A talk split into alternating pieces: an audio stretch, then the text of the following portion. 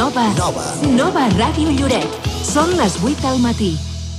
Molt bon dia. Lloret de Mar tira endavant una ordenança nova per subvencionar la millora i neteja de les façanes del casc antic.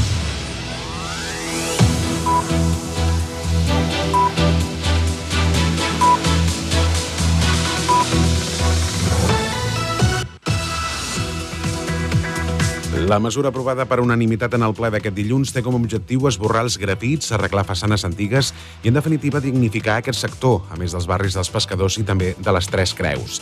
Segons fons municipals, l'ordenança que substitueix l'anterior del 1995 ha recollit l'opinió dels veïns, empresaris i tècnics. La idea és que residents i propietaris facin millores a les seves façanes i que després puguin demanar una subvenció a l'Ajuntament de fins al 50% del cost dels treballs. La finalitat de tot plegat és embellir el sector i que hi torni a viure la gent. A més, el govern local ha explicat que retirarà el cablejat que no té cap ús, fruit d'un conveni amb una companyia de telefonia. Avui en parlarem amb els portaveus municipals d'aquesta qüestió. És el nostre tema de portada d'avui dimarts 27 de febrer. Molt bon dia a tothom, benvingudes al Bon Dia Bona Hora. Avui també tenim preparats altres temes, sempre i quan hi hagi temps, perquè Lloret de Mar concentra a Irlanda les primeres activitats promocionals d'aquest any 2024. És un mercat estratègic que l'any passat ja va créixer més del 50% i que mostra un interès creixent per la destinació. En clau esportiva, ens farem ressò que la lloretenca Tania Pardo serà àrbitre d'hoquei patins a recuperar la, la categoria nacional. Això vol dir que podrà tornar a dirigir partits de les màximes divisions espanyoles, com són l'hoquei Lliga i també l'hoquei Lliga Plata. I dijous hi ha conferència de Xavier Albertí sobre Rubió i Tudorí, l'arquitecte que va dissenyar els jardins de Santa Clotilde. I també avançarem que a partir del mes de març es, duren, es duen o es duran a terme xerrades sobre alimentació saludable al CAP de Lloret. Com sempre, també repassarem els titulars del dia, les portades als diaris i sabrem quina és la previsió del temps. Donem pas a l'informatiu Bon dia, bona hora. Us acompanyem en nom d'en Moisès Garcia, Maria Joan Comartí, Rosa Giral i qui us parla, Eduard Lanzas. Bon dia, bona hora. De dilluns a divendres, de 8 a 9 del matí.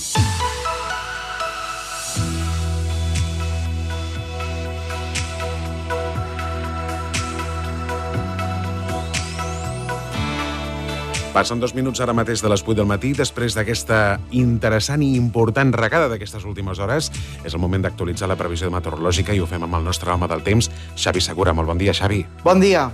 El temps es mantindrà poc lluït aquest dimarts aquí a la zona de Lloret, amb la presència de nuvolades i intervals de núvols que no desapareixen, però de precipitacions no n'esperem. Tan sols no es pot descartar alguna gotellada passatgera o anecdòtica sense més conseqüències. I també bufarà el vent del nord, el vent de tramuntana, de forma moderada, en alguns moments del dia sense més estralls. I tot plegat amb unes temperatures que es mantindran, si fa no fa, semblants amb fred moderat a primeres hores i fresc al migdia, màxim al voltant dels 16 graus. A partir de demà dimecres esperem una situació cada cop més tranquil·la, cada cop més estones de sol, sense precipitacions.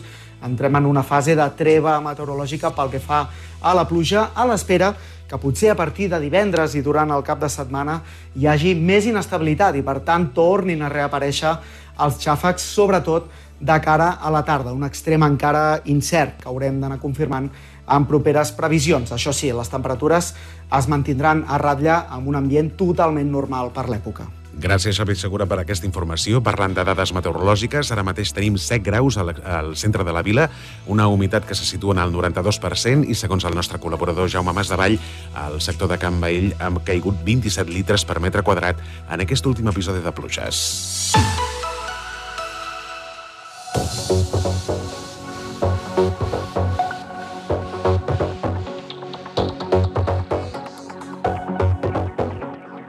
Vuit de matí, 4 minuts, el moment de repassar quins són els principals arguments informatius que avui destaca la premsa i comencem pel punt avui. Diu, com parlar de la immigració? Els experts destaquen les dificultats dels polítics per parlar obertament del fenomen migratori. En clau esportiva es fa ressò d'unes declaracions de Foti Katsikaris, que és l'entrenador del bàsquet Girona. Diu, la Lliga ACB és la més dura i cruel. Pel que fa al tràgic incendi de València, deixa nou morts mentre s'atia el debat sobre els materials de l'edifici. També al punt avui es fa ressò que reparen una fuita a la canonada que porta l'aigua del Pastoral a la Costa Brava Centre i també podem llegir un dossier extraordinari que diu 45 anys de la sortida del precursor Punt Diari. Diu Batec Vital. El punt avui es prepara per guanyar el futur preservant els principis que van inspirar la sortida del Punt Diari al 1979, plasmats en els articles de 45 autors que van estar protagonistes de la trajectòria del diari. És un dossier aniversari que també es pot perfectament llegir de forma complementària al punt avui. Girem pàgina i el que fem ara és fer-nos ressò del diari de Girona. Diu, empresaris de Roses reclamen una desaladora al municipi. Ho proposen a l'Ajuntament com una opció que garantia i que garantiria l'abastiment d'aigua durant la temporada turística. També, de forma luctuosa, diu mor José Moreno, propietari del prestíbul Paradise de la Junquera. Tenia 72 anys i estava pendent de ser jutjat a l'Audiència Nacional, acusat d'un frau multimilionari a Hisenda. Més notícies, més bateria de notícies d'àmbit comarcal, com per exemple 16.000 euros de multa a Girona més neta per no fer els serveis, que Girona aprova el Pla Especial Urbanístic per poder ampliar el cap de Can Givert i com a tema del dia, mm, Diari de Girona apunta que cau la despesa que els turistes fan aquí, a Lloret de Mar. De fet, un estudi considera o constata que augmenten els viatgers fora de la temporada alta. De fet, Lloret és la cinquena destinació de sol i platja de l'Estat amb més pernoctacions. Pel que fa doncs, al capítol o l'apartat esportiu del diari de Girona, podem llegir Aigua beneïda, amb una fotografia del davanter del Girona, Cristian Estuani. Diu, el Girona talla la sequera sota la pluja amb gols de Sigankov i també Savinho. També l'Espart Girona està disposat a fer un esforç per en trobar un relleu a Garner, que el Bisbal encarrila la fase d'ascens a plata amb l'ambició de fer història i Cherry i Caicedo fan el primer entrenament a les ordres, a les ordres, volem dir, de Fotis Catsi Caris. Aquestes són les notícies que podem llegir del Punt Avui i Diari de Girona. Repassem més titulars a la resta de capçaleres d'aquest divendres i comencem amb el diari El País, que explica que Avalos porta al límit al PSOE afirmant que és injust, que s'estan equivocant. Per la seva part, l'ABC assenyala que Avalos repta a Ferrat i resisteix a deixar l'escó. Sobre aquesta mateixa qüestió, el Mundo argumenta que els càrrecs revelen que l'ordre va venir a l'entorn del ministre. Mentrestant, Vanguardia, Periódico i Ara es desmarquen d'aquesta notícia i en aquest cas el primer rotatiu s'expressa amb aquests termes. La taxa de pobresa, de pobresa creix malgrat que augmenten els ingressos i l'ocupació. El Periódico es, es pot llegir que l'IVA de la llum a un pas d'escalar del 10 al 21% i ara es fa ressò que Aragonès i Illa tanquen un acord pel que fa als pressupostos. Moment de fer un cop d'ull als titulars del portal 3CAT i ho fem amb la nostra companya Rosa Giral. Molt bon dia, Rosa. Bon dia, Eduard. Bon dia a tothom. Revolta Pagès anuncia mobilitzacions aquest dimarts. Els talls dels pagesos són per donar suport als representants que es reuniran amb el govern i amenacen de quedar-s'hi de forma indefinida si no els fan cas. Les tracturades de pagesos bloquegen el centre de Brussel·les. La protesta amb 900 autocars provenents de diversos països s'han fet sentir durant la reunió dels ministres d'Agricultura de la Unió Europea. Acord imminent govern PSC per als pressupostos a l'espera que s'hi sumin comuns. I és que els socialistes diuen que confien en la paraula de Pere Aragonès quan va reconèixer que no hi havia majories per tombar el Hard Rock. Avalos es resisteix a plegar de diputat malgrat l'ultimàtum de 24 hores del PSOE. L'exministre de Transports ha dimitit com a president de la Comissió d'Interior del Congrés, però de moment conserva l'acte de diputat. Canvis en l'accés a la formació professional. Es reservaran més places per als alumnes que venen d'FP perquè tinguin les mateixes possibilitats d'accedir als estudis de grau mitjà i superior que els d'ESO i batxillerat. I Educació ja ha fet públic el calendari per fer la preinscripció escolar del curs 2024-2025. Les famílies hauran de presentar les sol·licituds i més endavant fer la matrícula seguint la planificació de dates. L'incendi de València es podria haver originat per un curt circuit en un tendal. És la causa més probable del sinistre que es desprèn de l'informe preliminar de la investigació i un cop la policia científica ha finalitzat el treball de revisió de l'edifici. Un centenar de gossos, gats i altres animals haurien mort a l'incendi de València. La protectora d'animals ofereix l'acollida temporal d'animals afectats i dos hospitals veterinaris, atenció d'urgència sense cost. Gairebé la meitat de llars catalanes tenen problemes per arribar a finals de mes. Segons l'IDESCAT, un de cada quatre catalans està en risc de pobresa o exclusió social, una dada pitjor que abans de la pandèmia. La Generalitat denuncia que la regulació del lloguer no farà baixar els preus. L'entrada en vigor és imminent, però la consellera de Territori lamenta que el Ministeri tiri endavant un índex lax i homogeni a tot l'Estat. Parlem ara del cas Tsunami. Gairebé 150 entitats denuncien que protestar no és terrorisme. Juntament amb 200 personalitats del món de la política, la comunicació i la cultura, com Buenafuente, Laura Rosel i Marc Giró. I Jordi Turull es recupera després d'una intervenció d'urgència per un infart. Fons del seu entorn expliquen que al secretari general de Junts se li ha practicat un cateterisme i que ha anat bé. Amb aquests titulars de portada ens situem a les 8 i 9 minuts del matí. Fem ara una pausa. Tornem de seguida.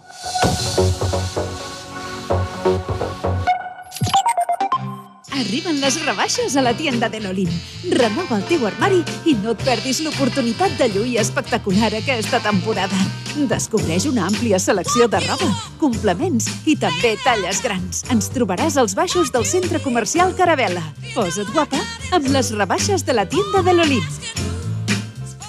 Cartelleria digital de Víctor So, el canal publicitari del segle XXI per captar l'atenció dels teus clients. Pantalles informatives, tòtems i pantalles LED pel teu negoci. Gestiona els continguts de manera remota amb qualsevol dispositiu mòbil, Android o iPhone, perquè a Víctor So sabem que la comunicació amb el teu client és el més important. Víctor So. Ens trobaràs a l'Avinguda Vila de Tossa 5052 de Lloret de Mar. Telèfon 972 36 41 14. A les empreses com a la vida cal posar nom al que fa 600, perquè darrere de Fitel hi ha 20 anys en el sector de les telecomunicacions, amb més de 10 anys dedicat a ser l'operador d'internet a Lloret de Mar. I ara seguim avançant perquè més pobles de la comarca tinguin el mateix servei que tu. Perquè darrere de Fitel hi ha persones que fan de la seva feina la seva passió. I tu? Ja ets de Fitel? Fibra òptica i telefonia mòbil a Lloret de Mar sempre a prop teu. Centre Mèdic Loreto. Obtenció i renovació de permisos de conduir, llicències d'armes, seguretat privada, animals perillosos, obtenció de targeta de residència, tot tipus d'esports i la tramitació gratuïta del permís de conduir. Tenim el servei de Medicina General, Pediatria, Psicologia i Fisioteràpia. Treballem amb les principals mútues. Centre Mèdic Loreto. Carrer Verge de Loreto 53, al costat de la Policia Nacional. Telèfon 972 36 96 12. Et sents esgotat física i mentalment? Atrapat en la rutina diària? Vine a Muscle Beach, el teu nou gimnàs. Entrena amb cotxes titulats en espais increïbles i totalment equipats amb més de 700 metres quadrats just a l'entrada de Mar Romeu. Descobreix la nova zona d'entrenament funcional. Apunta't ara i et regalem tot el que queda de febrer i la matrícula gratuïta. No t'ho pots perdre. Vine a Muscle Beach, el teu gimnàs a Lloret de Mar. L'Ajuntament de Lloret de Mar informa. Lloret de Mar es troba en situació d'emergència 1 per sequera. Hi ha restriccions d'aigua en els usos urbans que afecten en el volum màxim d'aigua per habitant i dia. Restriccions en la neteja de vehicles, de carrers i mobiliari urbà. En el rec esportiu, de zones verdes, jardins públics i jardins privats. Està prohibit l'ompliment de piscines públiques, privades, comunitàries i les fonts ornamentals, així com l'eliminació de pols en l'aire amb aigua. La situació actual de falta d'aigua és molt greu i s'han de prendre mesures per estalviar aigua potable de forma immediata. Teniu tota la informació detallada al web lloret.cat.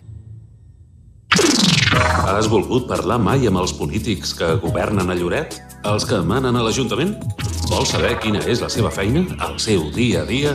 Doncs escolta Sense Pressa, a les 9 del matí, a Nova Ràdio Lloret. Aquest dimarts entrevistem el regidor Alejandro Pérez del Partit Socialista.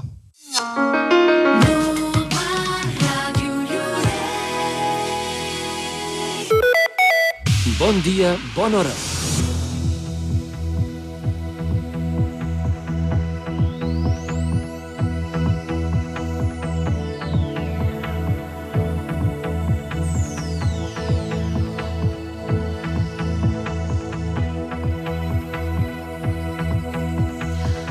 Les 8 i 13 minuts del matí donem pas a la primera part del Bon Dia Bona Hora. Lloret de Mar tira endavant una ordenança nova per subvencionar la millora i neteja de les façanes que hi ha en el nucli antic. La mesura aprovada per unanimitat en el ple d'aquest dilluns té com a objectiu esborrar els grafits, arreglar façanes antigues i, en definitiva, dignificar tot aquest sector, a més dels barris de pescadors i de les Tres Creus. Segons fons municipals, l'ordenança que substitueix l'anterior del 1995 ha recollit l'opinió dels veïns, empresaris i tècnics. La idea és que residents i propietaris facin millores a les seves façanes i que després puguin demanar una subvenció de l'Ajuntament de fins al 50% del cost dels treballs. La finalitat de tot plegat és envellir el sector i que hi torni a viure la gent. A més, el govern local ha explicat que retirarà el cablejat que no té cap ús, fruit d'un conveni amb una companyia de telefonia. El ple, que ha constat de 17 punts, també ha aprovat una moció de suport a la pagesia, posant l'accent en els productes locals i l'ajuda que necessiten en l'actualitat. El que fem ara és donar pas a la ronda de portaveus, eh, com fem sempre després de cada plenari. L'ordre, ho recordem, és de menys a més representació. Per tant, comencem amb Frederic Guic, de Lloret en Comú Podem, a l'equip de govern. Molt bon dia, Frederic. Bon dia. D'entrada, com es valora aquesta nova ordenança per poder subvencionar les millores que es facin a façanes del nucli antic? Bé, doncs hem actualitzat, com bé dèieu, una ordenança que ve del 95, de l'any 95, i que ha sigut fruit d'una extensa i ben feta feina per part del regidor d'àrea, el regidor Martínez, que ha copsat, hem copsat els, uh, les inquietuds dels veïns i és això, doncs, eh, intentar embellir, intentar posar en ordre eh, tot el que són els espais que hi ha al nucli antic, també a Tres Creus i Barris dels Pescadors, eh, ajudant els veïns que puguin eh, netejar aquests eh, grafitis i també, com bé dèieu, eh, aquest primer acord que hem arribat amb una companyia, en aquest cas de telefonia, per sanejar tot el que és els, els cables aquests sobrants que hi han i que tan mal fan als ulls aquests uh, capes que hi ha visibles, uh, capes aèries. Mm. Uh, um, uh, entenem, Frederic, que, que això, vull dir, ara s'ha començat a tramitar, per entendre'ns, quan es preveu que pugui entrar en vigor? Durant aquest any, durant aquest any tenim previst doncs, que, que entri en vigor i que els veïns doncs, uh, puguin fer ús d'aquestes subvencions. Ara el que cal doncs, és, com bé, també dèiem ahir en el ple, doncs, és fer una bona comunicació i que els veïns hi tinguin accés. Uh, D'altra banda, uh, Frederic, en el ple d'aquest dilluns també s'ha donat suport a la pagesia, especialment a la que tenim aquí, a Lloret. Sí, eh, el que tenim que intentar és que hi hagi més pagesos a Lloret. Eh, nosaltres, eh, com a comuns, ja apostàvem per l'agricultura periurbana i, sens dubte, és un... Ahir jo em vaig estendre una mica, però és quelcom doncs, que és més que eh, supramunicipal, és fins i tot supraestatal, amb unes eh, ordres que venen d'Europa que, sens dubte, castiguen i molt a la pagesia catalana i, com no, a la pagesia, pagesia lloretenca.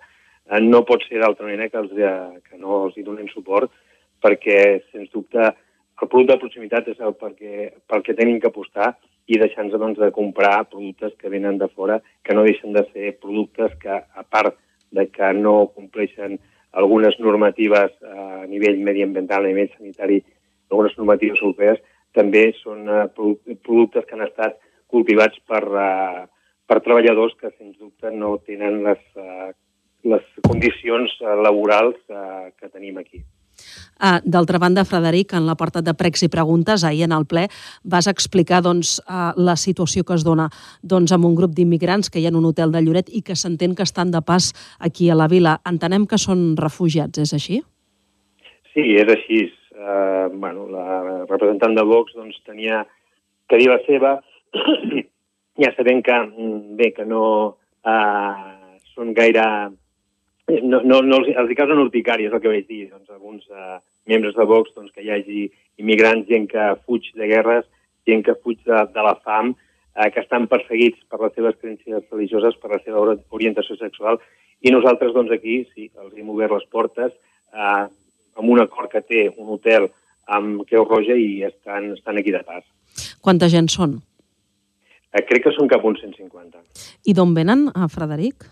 Eh, sobretot de l'Àfrica subsahariana. Val, per tant, és una mica el que va passar no? a finals de l'any passat. Sí, a finals de l'any passat vam tenir un altre hotel, un altre establiment, que durant dos mesos doncs, va allotjar això, doncs, uns, també 100 i pico, 200 eh, immigrants que després doncs, eh, es van distribuir per la resta d'Espanya i Europa. Doncs en recollim aquestes declaracions. A Frederic Guic, de Lloret en Comú Podem, moltes gràcies i molt bon dia. Bon dia.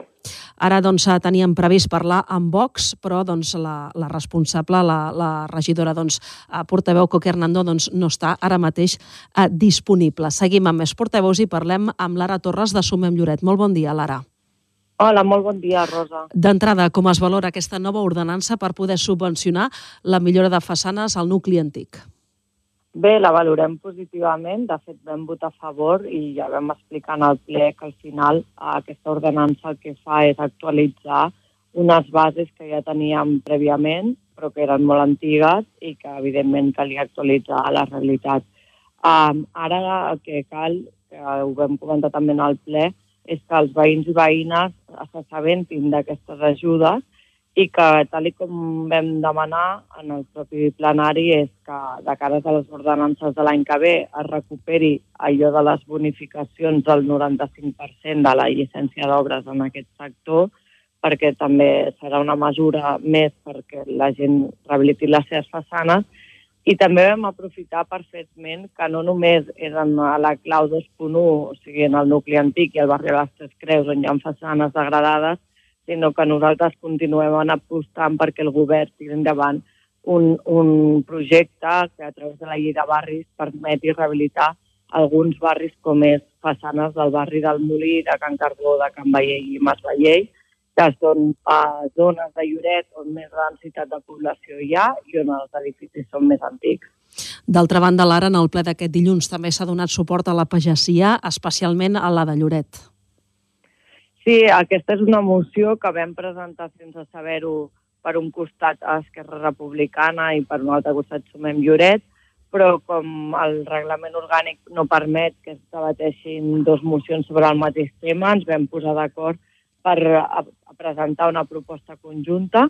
Nosaltres entenem que la pagesia és un, el sector primari del municipi, que és evident que ha quedat amb, amb un petit quantitat de, del que significa el PIB del municipi, però que creiem que és molt important i que, a més a més, cal potenciar-lo.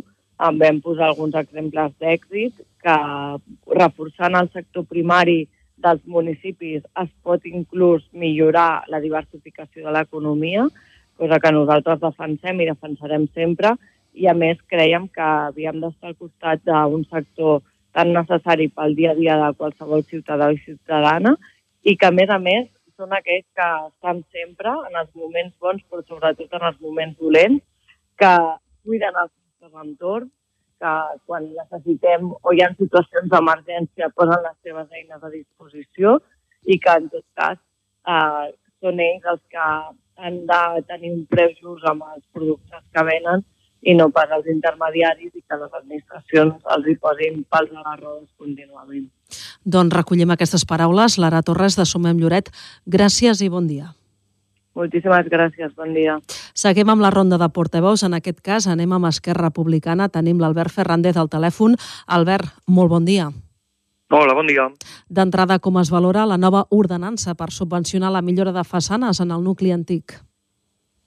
Bé, com no pot ser d'una altra manera, de fet, eh, interpretem que ja segueix una línia continuista del que vam iniciar a l'anterior legislatura, que en definitiva era fer polítiques específiques perquè el nucli, el nucli antic que tots sabem que està doncs, eh, degradat a algunes zones i, i malmeses algunes propietats eh, particulars, doncs eh, ja vam iniciar diferents polítiques per tal de, de revertir la situació.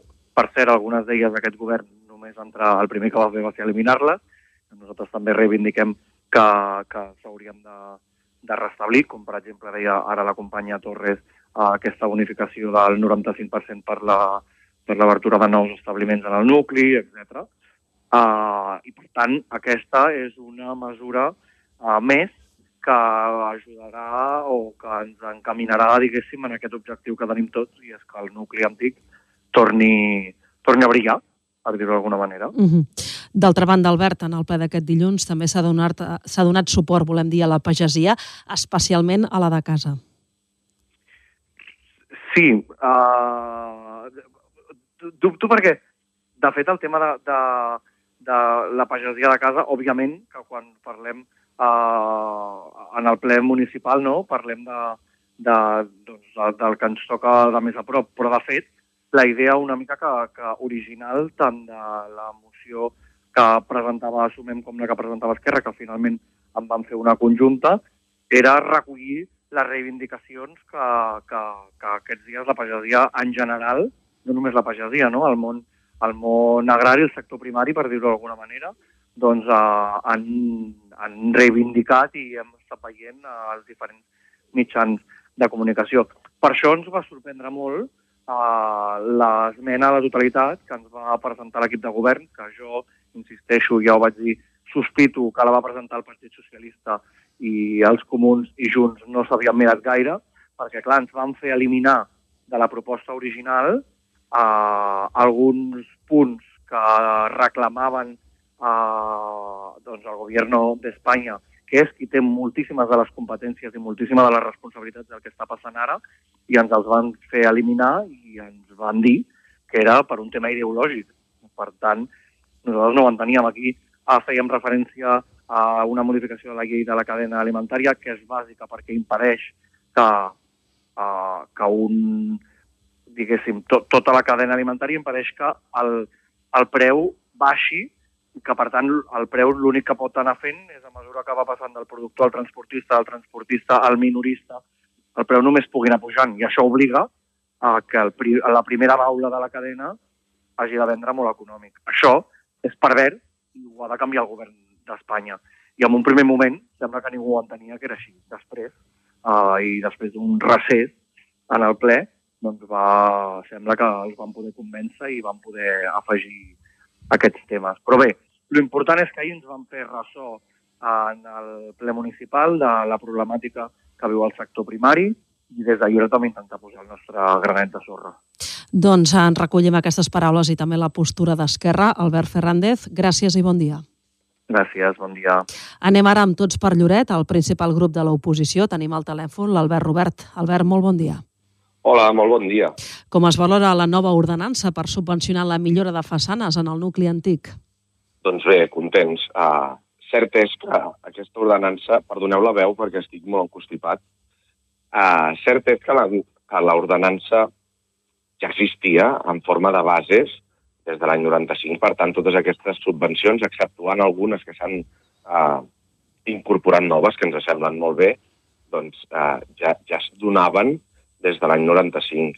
Um, estem molt contents igualment perquè sí que és cert que és una feina que s'havia de fer, que reordenar aquestes bases i posar-li una mica d'actualització perquè els preus encara estaven marcats en pessetes, en pessetes i els tècnics de la casa havien de transformar doncs, aquestes subvencions de, que estan en pessetes a, a euros i llavors és com es eh, donaven abans les, les eh, subvencions en el nucli antic.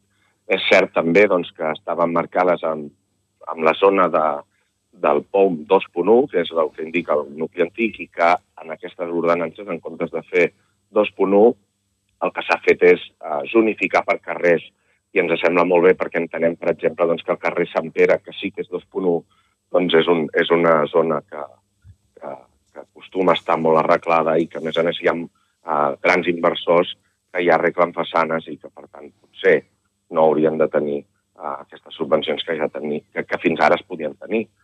Uh, en tot cas, uh, molt necessari i també és necessari predicar amb l'exemple, que és el que hi dèiem, doncs que està molt bé que nosaltres uh, subvencionem els privats perquè els privats uh, apostin pel nucli antic, però el que també és important és que el govern, i des del govern, es faci la feina de mantenir, cuidar i, i que llueixi perquè generi interès perquè el privat hi pugui anar. Uh -huh. Albert, tu més vas demanar en aquest punt, quan es debatia tota, tota aquesta ordenança, que es posi ordre en el cablejat, especialment aquell que ja, no, que ja no es fa servir, que ja no té cap ús, i aquí es va explicar que s'ha fet un conveni al respecte. Així mateix ens van dir, mira, just ahir comentàvem no, això que dius, que, que ens interessava doncs, intentar treure tot aquest cablejat inutilitzat i regidor Gómez ens li va dir al senyor Martínez, que va dir en veu alta, mm, que ja s'havia signat un conveni amb Movistar i que faran aquesta feina d'anar retirant el coure que ja no s'utilitza. Ens sembla que és una gran acció si això es produeix perquè estem convençuts que en els carrers del nucli antic hi ha molt de cable inutilitzat i que es queda allà posat perquè els, eh, les empreses privades venen i col·loquen cable nou, però mai retiren l'antic, i això fa que se n'en vagin acumulant i acumulant. Uh, D'altra banda, en el ple d'aquest dilluns, Albert s'ha donat suport a la pagesia, especialment a la d'aquí, a la de Lloret. Sí, així és. És una moció que, que van uh, entrar Esquerra Republicana i Sumem Lloret, que després hi va haver-hi una mica de, de, de, de guirigalls, perquè tot, des del Partit dels Socialistes, em sembla, es va entrar una esmena a la totalitat eh, on es treien uns acords o uns, unes reclamacions al, al govern d'Espanya i finalment doncs, es va aconseguir doncs, fer una proposta conjunta que, a més a més, el que vol és intentar que la pagesia, aquesta, que aquestes setmanes estan, diguéssim, reclamant un tracte més just en els seus preus, doncs des de Lloret també es eh, dongui el suport necessari que tant necessiten per poder viure normal, sense fer-se rics, però poder viure normal i no perdre diners mentre treballen. Doncs recollim aquestes paraules. Albert Robert, de Tots per Lloret, moltes gràcies i molt bon dia. Molt bé, moltes gràcies a vosaltres. Molt bon dia. En tornem a parlar amb l'equip de govern, en aquest cas amb Jordi Martínez de Junts, aquí tenim el telèfon. Molt bon dia, Jordi. Hola, bon dia, Rosa. Ah, com es valora aquesta nova ordenança per subvencionar la millora de façanes en el nucli antic?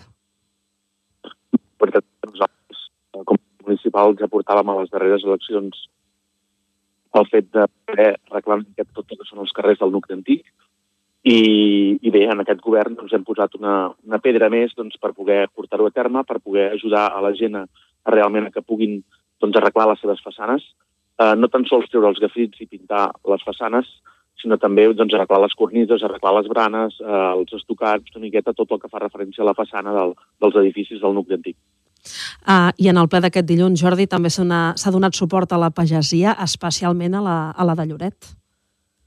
Sí, bé, la veritat és que el món de la pagesia sempre ho diem i ho diuen ells mateixos, vull dir, ells són pagesos, no són buròcrates, no són tècnics, no són eh, administratius i la veritat és que els polítics, tant els locals com els nacionals, ens ho hem de fer mirar una miqueta perquè eh, jo crec que ens estem passant amb la normativa, ens estem passant amb la paperassa, amb la documentació que, que s'ha de fer i a cadascú que li correspon. Per tant, hauríem d'intentar facilitar una miqueta més la feina, no tan sols als pagesos, sinó a tota la gent del camp, a la gent que, que tracta bestiar, una miqueta a, a tots els diferents productors que tenim, que ells es dediquen a fer la seva feina i és el que els hem de permetre. Els hem de permetre fer la seva feina i no posar-los tantes traves burocràtiques a tots els nivells. I, d'altra banda, Jordi, ahir en el ple doncs, eh, doncs es va saber, durant el ple, vaja, que doncs, hi havia una fuita d'aigua i que eh, aquesta, aquest problema no es pot arreglar fins avui. Què ens pots dir la, de la situació que hi ha ara mateix?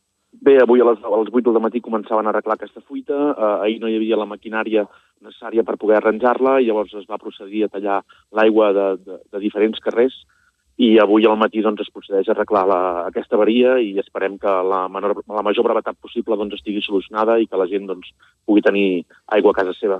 De quins carrers estem parlant o de quin, de quin sector? Sí, mira, estem parlant eh, de carrer Tintorers, eh, en principi és Tintorers, Mecanògraf i Pentinadores. Aquests tres carrers de, de Can Vallell doncs, són els afectats i esperem que durant aquest matí doncs, puguin tornar a recuperar l'aigua. La, uh -huh. uh, entenem que són habitatges no? situats en aquests, en aquests vials. Són, si no em recordo malament, em van comentar que eren uns, uns cinc blocs afectats pel tall d'aigua i algunes cases particulars.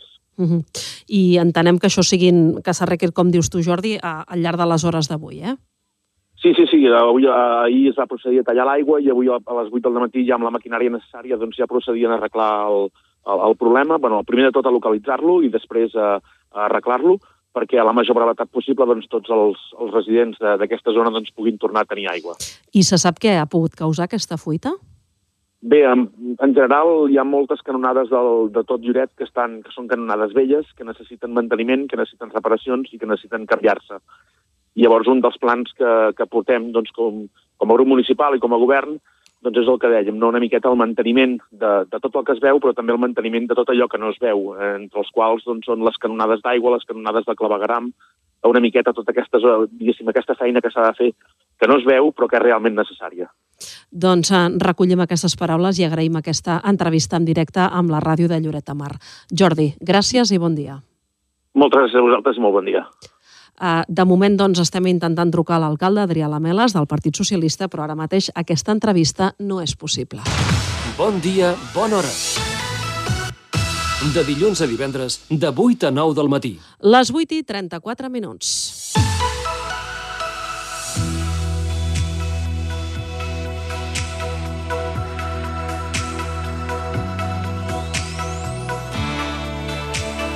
El que fem ara en el Bon Dia, Bona Hora recuperar la crònica del temps amb el nostre company, en Xavi Segura. Xavi, molt bon dia.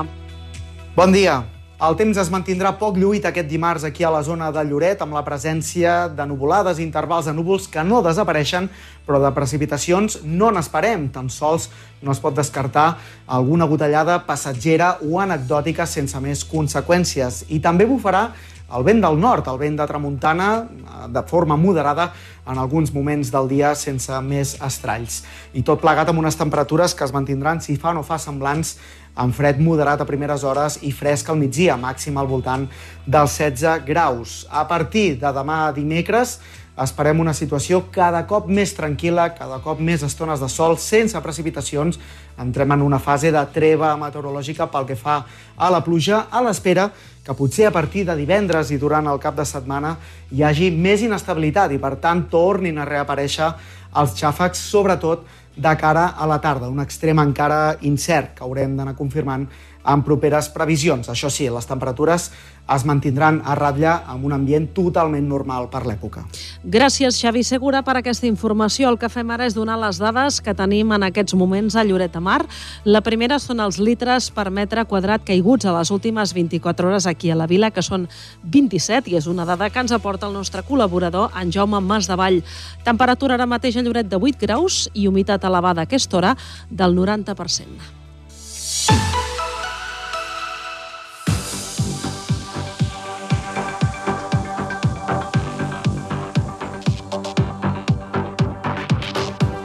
Les 8 i 36 minuts eh, del matí, avui és dimarts, és 27 de febrer.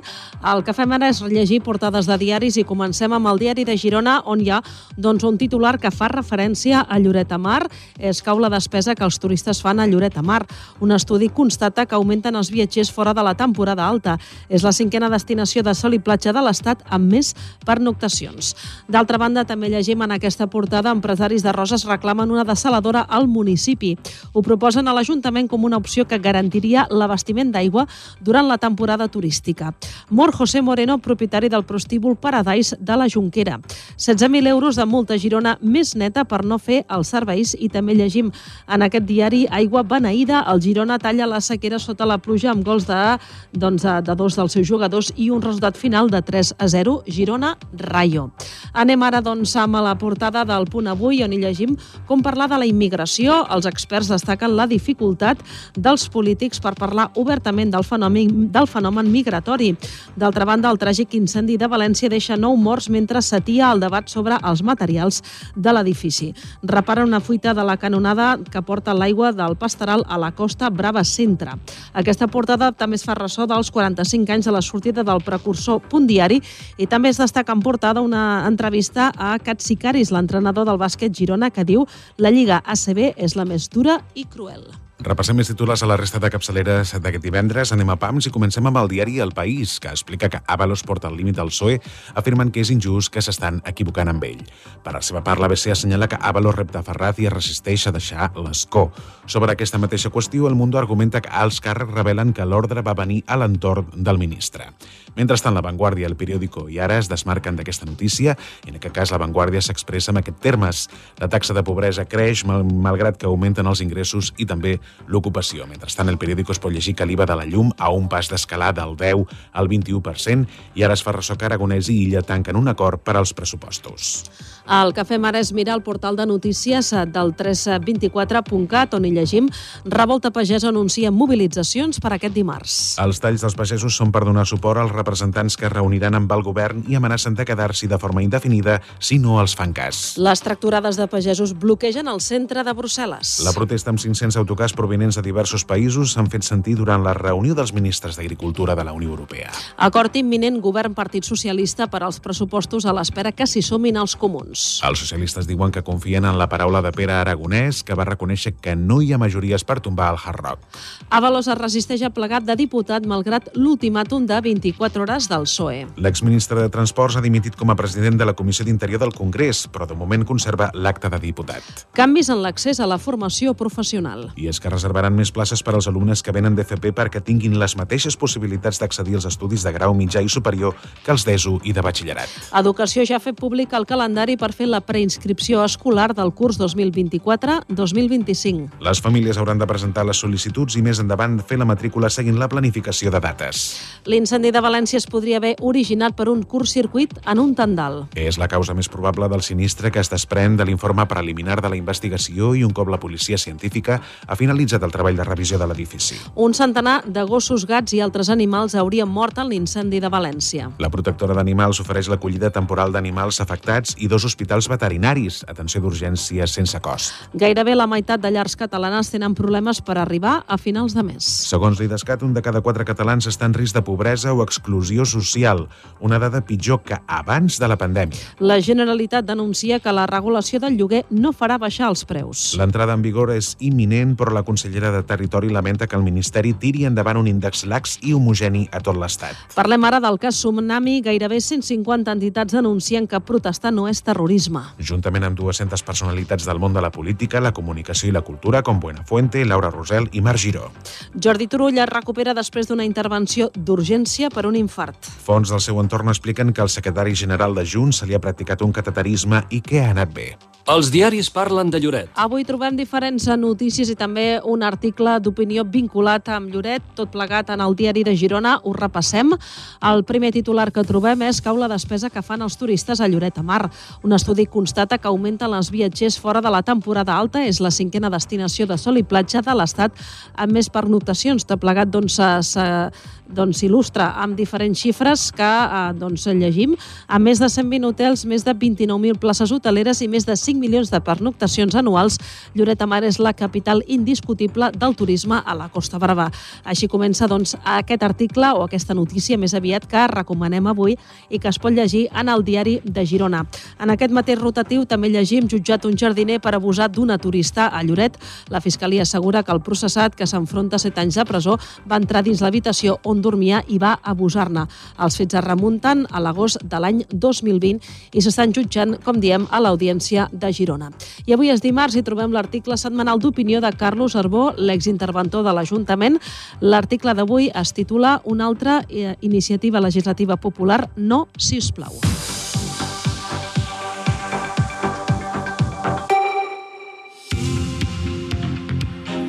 Bon dia, bona hora. De dilluns a divendres, de 8 a 9 del matí. Les 8 i 42 minuts del matí obrim la segona part amb un apunt de turisme. Lloret de Mar concentra a Irlanda les primeres activitats promocionals d'aquest any 2024. És un mercat estratègic que l'any passat va créixer més del 50% i que mostra un interès creixent per la destinació. Ho explica la gerent de Lloret Turisme, Elisabeth Kigan. El 2023 vam començar des de Lloret Turisme a desenvolupar una estratègia específica pel mercat irlandès. Era un mercat que coneixia molt la Costa Daurada, un mercat amb un perfil molt interessant, familiar, amb poder adquisitiu, que encara no estava establert al nostre territori, tot i que ja venia. Aquestes accions han comportat doncs, un gran creixement tant en viatgers com en pernoctacions a la temporada 2023 i per aquest 2024 hem apostat una vegada més per aquest mercat, que tot i que petit, eh, a la nostra plataforma d'intel·ligència turística demostra que és un mer mercat del valor. Aquestes dades el que fan és eh, creuar diferents dades, siguin per nivell de despesa, com per dies d'estada, com també per perfil de client i pels seus interessos, i el que en resulta és que aquest mercat és un mercat doncs, que és interessant per la nostra destinació i que, a més a més, l'estratègia desenvolupada ha demostrat que eh, la bona connectivitat amb Girona i els nostres atractius doncs, poden ser una proposta de valor interessant per ells. Per tant, enguany, i com veieu amb les accions d'aquest primer trimestre, i seguim apostant per tal de seguir mantenint aquest creixement en un mercat que a dia d'avui eh, doncs és important per, per la nostra destinació. En xifres absolutes, Lloret de Mar va acollir el 2023 15.000 viatgers irlandesos i 94.000 pernoctacions. Entre els, el, entre els punts forts, volem dir, per incidir en el mercat irlandès hi ha la bona connectivitat entre l'aeroport de Girona, Costa Brava i les ciutats irlandeses de Dublin, Knock, Cork i Shannon d'abril a octubre, a més de volar fins a Belfast durant tot l'any. Un altre tret interessant és el perfil de visitant. L'irlandès és un mercat que ve de vacances a Lloret principalment en família i parella, tant abans com després de la temporada forta. A principis d'aquest any 2024, les representants de Lloret Turisme han participat a la fira Holiday World Show, adreçada a públic professional i final, i en una acció amb periodistes i creadors de continguts on es van entrevistar amb una trentena de professionals. Finalment, la setmana passada es va participar en un roadshow per les ciutats de Belfast, Dundalk i Waterford, on s'han presentat les novetats de la destinació a un centenar d'operadors turístics i agents de viatges. Sense oblidar que l'any passat es va organitzar un viatge de premsa amb diferents mitjans de comunicació irlandesos a Lloret que ha permès augmentar el coneixement de la destinació a Irlanda.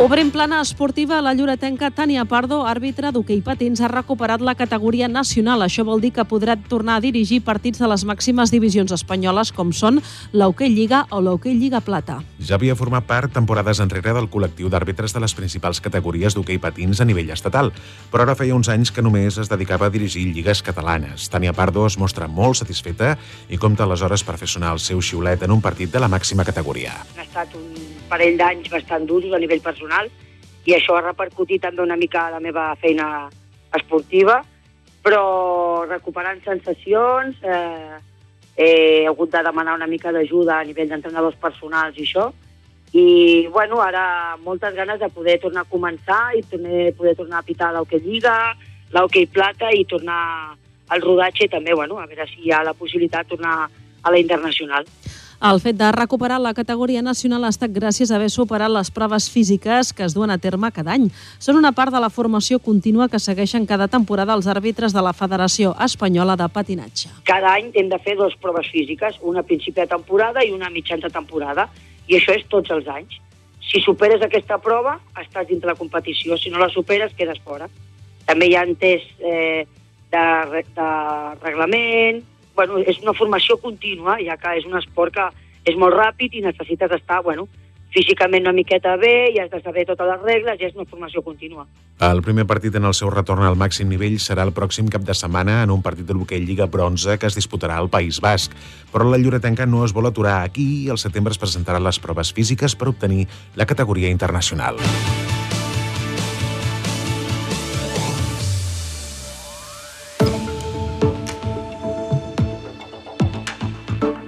Bon dia, bona hora. De dilluns a divendres, de 8 a 9 del matí. Les 8 i 47 minuts del matí mirem l'agenda d'aquesta setmana perquè aquest dijous es tanca el cicle de conferències sobre, a càrrec, volem dir, de Xavier Albertí, sobre grans artistes vinculats amb Lloret de Mar. La xerrada d'aquesta setmana, que és la tercera i última, se centra en Nicolau Maria Rubió i Tudorí, l'arquitecte i paisatgística eh, i paisatgista, volem dir, que va dissenyar els jardins de Santa Clotilda. El recinte noucentista de gran bellesa i amb vistes al mar Mediterrani és el tresor de Lloret, segons el mateix Albertí, qui parla de com són les, aquestes conferències. No són conferències biogràfiques de dir tal dia va fer això i tal dia va fer l'altre, sinó que són reflexions sobre la funció de l'art, sobre la funció de la creació, sobre la funció de com una societat determinada genera uns principis estètics determinats, què és això del modernisme, què és això de l'arquitectura paisatgística, què és la natura, etc etc etc. Per tant, intentarem que siguin conferències que abarquin àmbits de pensament molt amplis, molt heterogenis. Rubió i Tudorí immers en el noucentisme, que va rebre l'encàrrec l'any 1919 de crear els jardins de Santa Clotilda per part del marquès de Rubiralta. Va ser arquitecte urbanista, dissenyador de jardins, escriptor, traductor, dramaturg i periodista. L'aspecte més important de la seva trajectòria va ser la planificació de jardins amb un concepte de jardí integrat en l'entorn, seguint l'ideal del noucentisme català en equilibri amb el Mediterrani. Santa Clotilda és un recinte singular molt visitat d'inspiració clàssica. Els passejos i places que creuen els jardins acaben al mar amb la platja de Saboadella darrere fons. A més d'una estructura farcida de xiprers, els jardins estan adornats amb escultures de tradició romana. De tot això i més en parlarà el director teatral Xavier Albertí, que pronunciarà la conferència sobre Rubió i Tudorí el proper dijous 29 de febrer a partir de les 7 de la tarda al Casal de l'Obrera. Bon dia, bona hora. De dilluns a divendres, de 8 a 9 del matí. Canviem de qüestió. La Corporació de Salut del Maresme i la Selva organitza un seguit de xerrades destinades a promoure l'alimentació saludable. Seran sessions grupals que també s'emmarquen dins de la prevenció i abordatge de malalties en l'atenció primària i comunitària. Aquestes xerrades aniran a càrrec de Judit Colman, nutricionista i dietista de l'àrea bàsica de salut Lloret Tossa. Explica que l'objectiu és que els assistents pugin, eh, puguin, volem dir, aplicar totes les indicacions que es donaran en el seu dia a dia. Són sessions grupals d'acompanyament per quan estem en una situació en la que volem menjar sa, però no sabem com fer-ho o bé tenim dubtes. Bàsicament, ensenyem a conèixer les bases d'una alimentació saludable de forma realista perquè es puguin adaptar al teu dia a dia. També parlem de com estructurar els àpats principals, dinars o sopars, d'etiquetatge, de gana real, emocional, picar entre hores, etc. La primera sessió arribarà el 12 de març a les 6 de la tarda en el CAP del centre de Lloret. La segona jornada serà el dia 19 de març, mentre que la tercera es durà a terme el 2 d'abril. Els interessats en participar s'han d'inscriure de forma prèvia i ho poden fer contactant amb el CAP o també enviant un correu electrònic a activitatgrupal arroba salutms.cat. Estàs escoltant l'informatiu matinal Bon dia, bona hora. 10 minuts i arribem a les 9 del matí. Recordem notícies destacades que hem conegut aquests dies i que fan referència, evidentment, a Lloret, com per exemple que la situació educativa a Lloret és complicada i que està al límit. Així de contundent és el vicepresident de la Interampa, Manel Ortiz, que considera que el sistema al municipi està saturat. La situació de Lloret és complicada, complicada i, i al límit. Realment està saturat el sistema educatiu aquí a Lloret. Recordem que la Interampa és una associació que aglutina totes les associacions de famílies d'alumnes dels centres de Lloret, tant escoles com instituts. L'entitat treballa, per tant, pel benefici de l'educació al municipi en un àmbit global. Actualment el president és Oriol Gruar i el vicepresident Manel Ortiz. Per exposar la problemàtica a Lloret, l'associació es basa en dades objectives. En aquest sentit, assegura que les aules estan saturades, ja que en gran majoria de casos estan per sobre del nombre d'alumnes que haurien de tenir per llei el que es coneix com a ràtio. Hi ha 25 alumnes per classe, a totes o a quasi totes les aules del municipi es sobrepassa aquest número. ¿vale? Hi ha un, una permissivitat per llei que es pot superar en un 10%, es diu. Hi ha alguns casos que fins i tot podríem dir que ens passem d'aquest 10%, o sigui, hi hauríem 28 alumnes, casos molt puntuals. Però això què vol dir? Que les classes estan saturades. Però, a més a més, Lloret de Mar té un problema endèmic, la matrícula viva.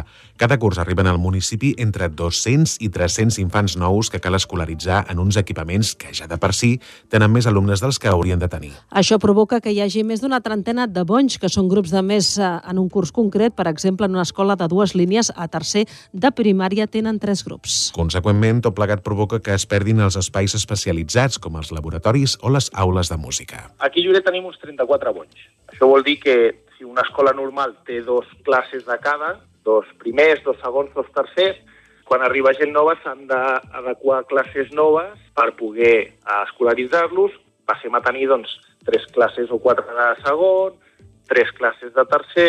Això eh, el que fa és que perdem espai a les escoles per coses més especialitzades com podrien ser doncs, aules de música, aules especials per nens amb, amb necessitats especials. De cara al curs vinent obrirà les portes a Lloret la nova escola Joan Domènech, que segons Ortiz eh, per ara comptarà amb tres barracons, dos per alumnes d'infantil 3 i un altre per acollir els nous alumnes que vagin arribant al municipi d'infantil 4 i 5.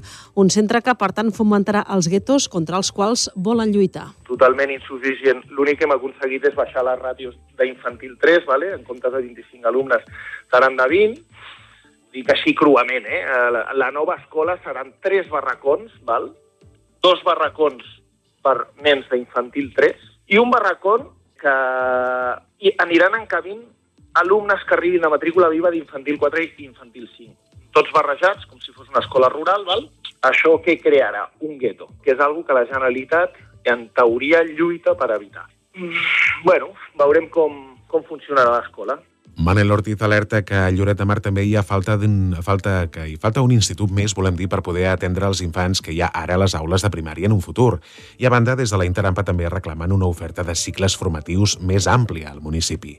De fet, actualment a Lloret s'ofereixen 11 cicles, mentre que a Blanes i Olot, dues poblacions amb un nombre similar d'habitants, l'oferta puja a 19 i 42 de forma respectiva. Bon dia, bona hora de dilluns a divendres, de 8 a 9 del matí. Les 8 i 53 minuts del matí, Lloret de Mar té un nombre elevat de comerços oberts en temporada baixa, tenint en compte la població que té, que ronda els 41.000 habita, 41 habitants censats.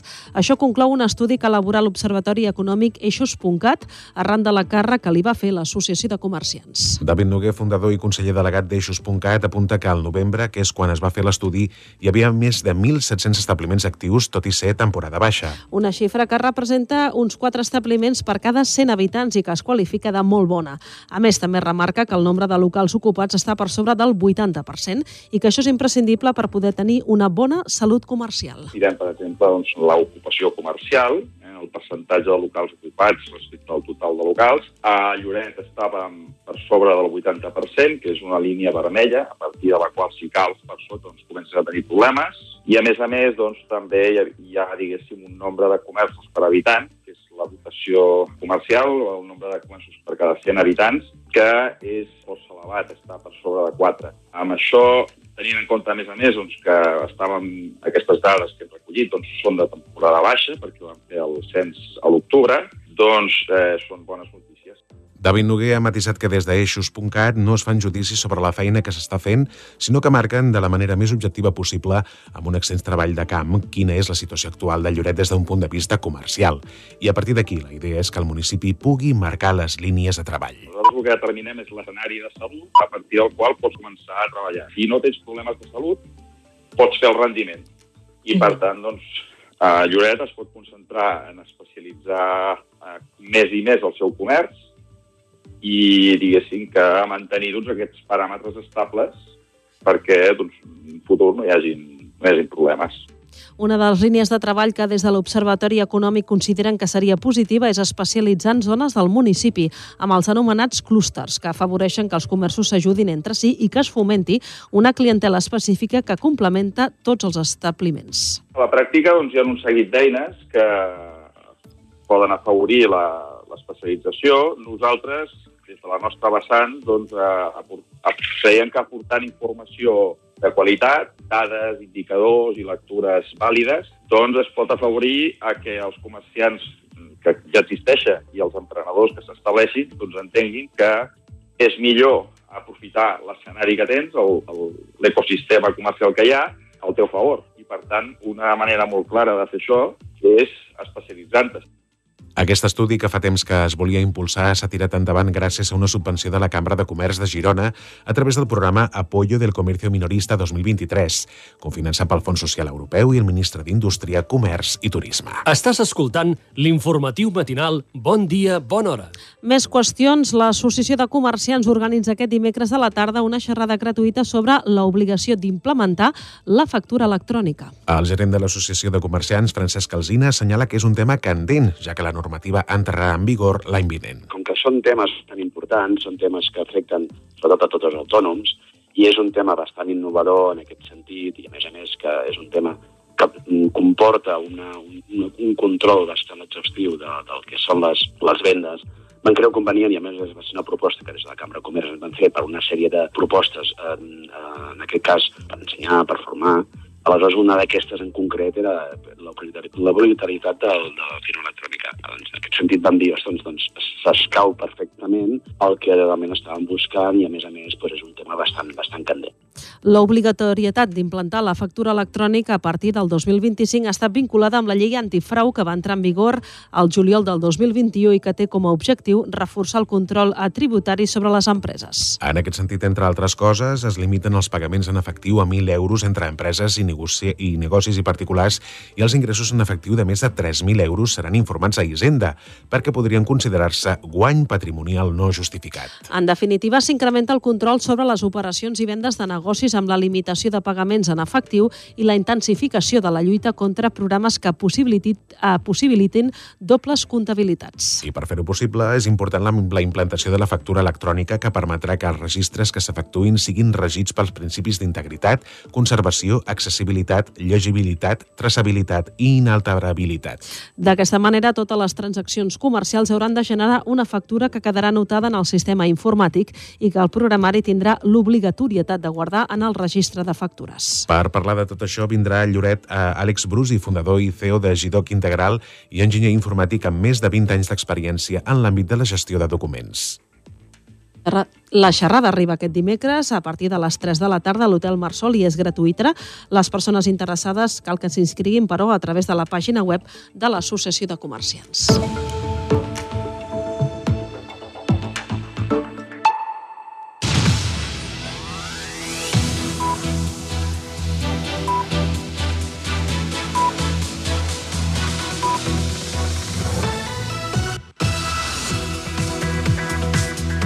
Una mica més d'un minut i arribem a les 9 del matí. Estem a la recta final de l'informatiu d'aquest dimarts, dia 27 de febrer, en què ens hem fet ressò dels acords que s'han pres en el ple ordinari d'aquest dilluns. Un dels més destacats és aquesta nova ordenança en què s'han posat al dia les subvencions doncs, a tots els propietaris de locals i també d'habitatges en el nucli antic i també en els barris de pescadors i de les Tres Creus. L'objectiu és que facin millores i que netegin les seves façanes, que les envelleixin i doncs l'Ajuntament l'Ajuntament n'arribarà a subvencionar fins al 50% del cost d'aquest treball, d'aquests treballs. A tot plegat ho explicarem a, doncs, en diferents butlletins horaris, també a la pàgina web i en les xarxes socials de l'emissora.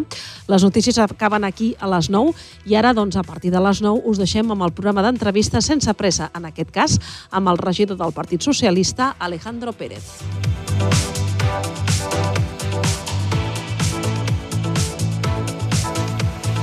Bon dia, bona hora. De dilluns a divendres, de 8 a 9 del matí.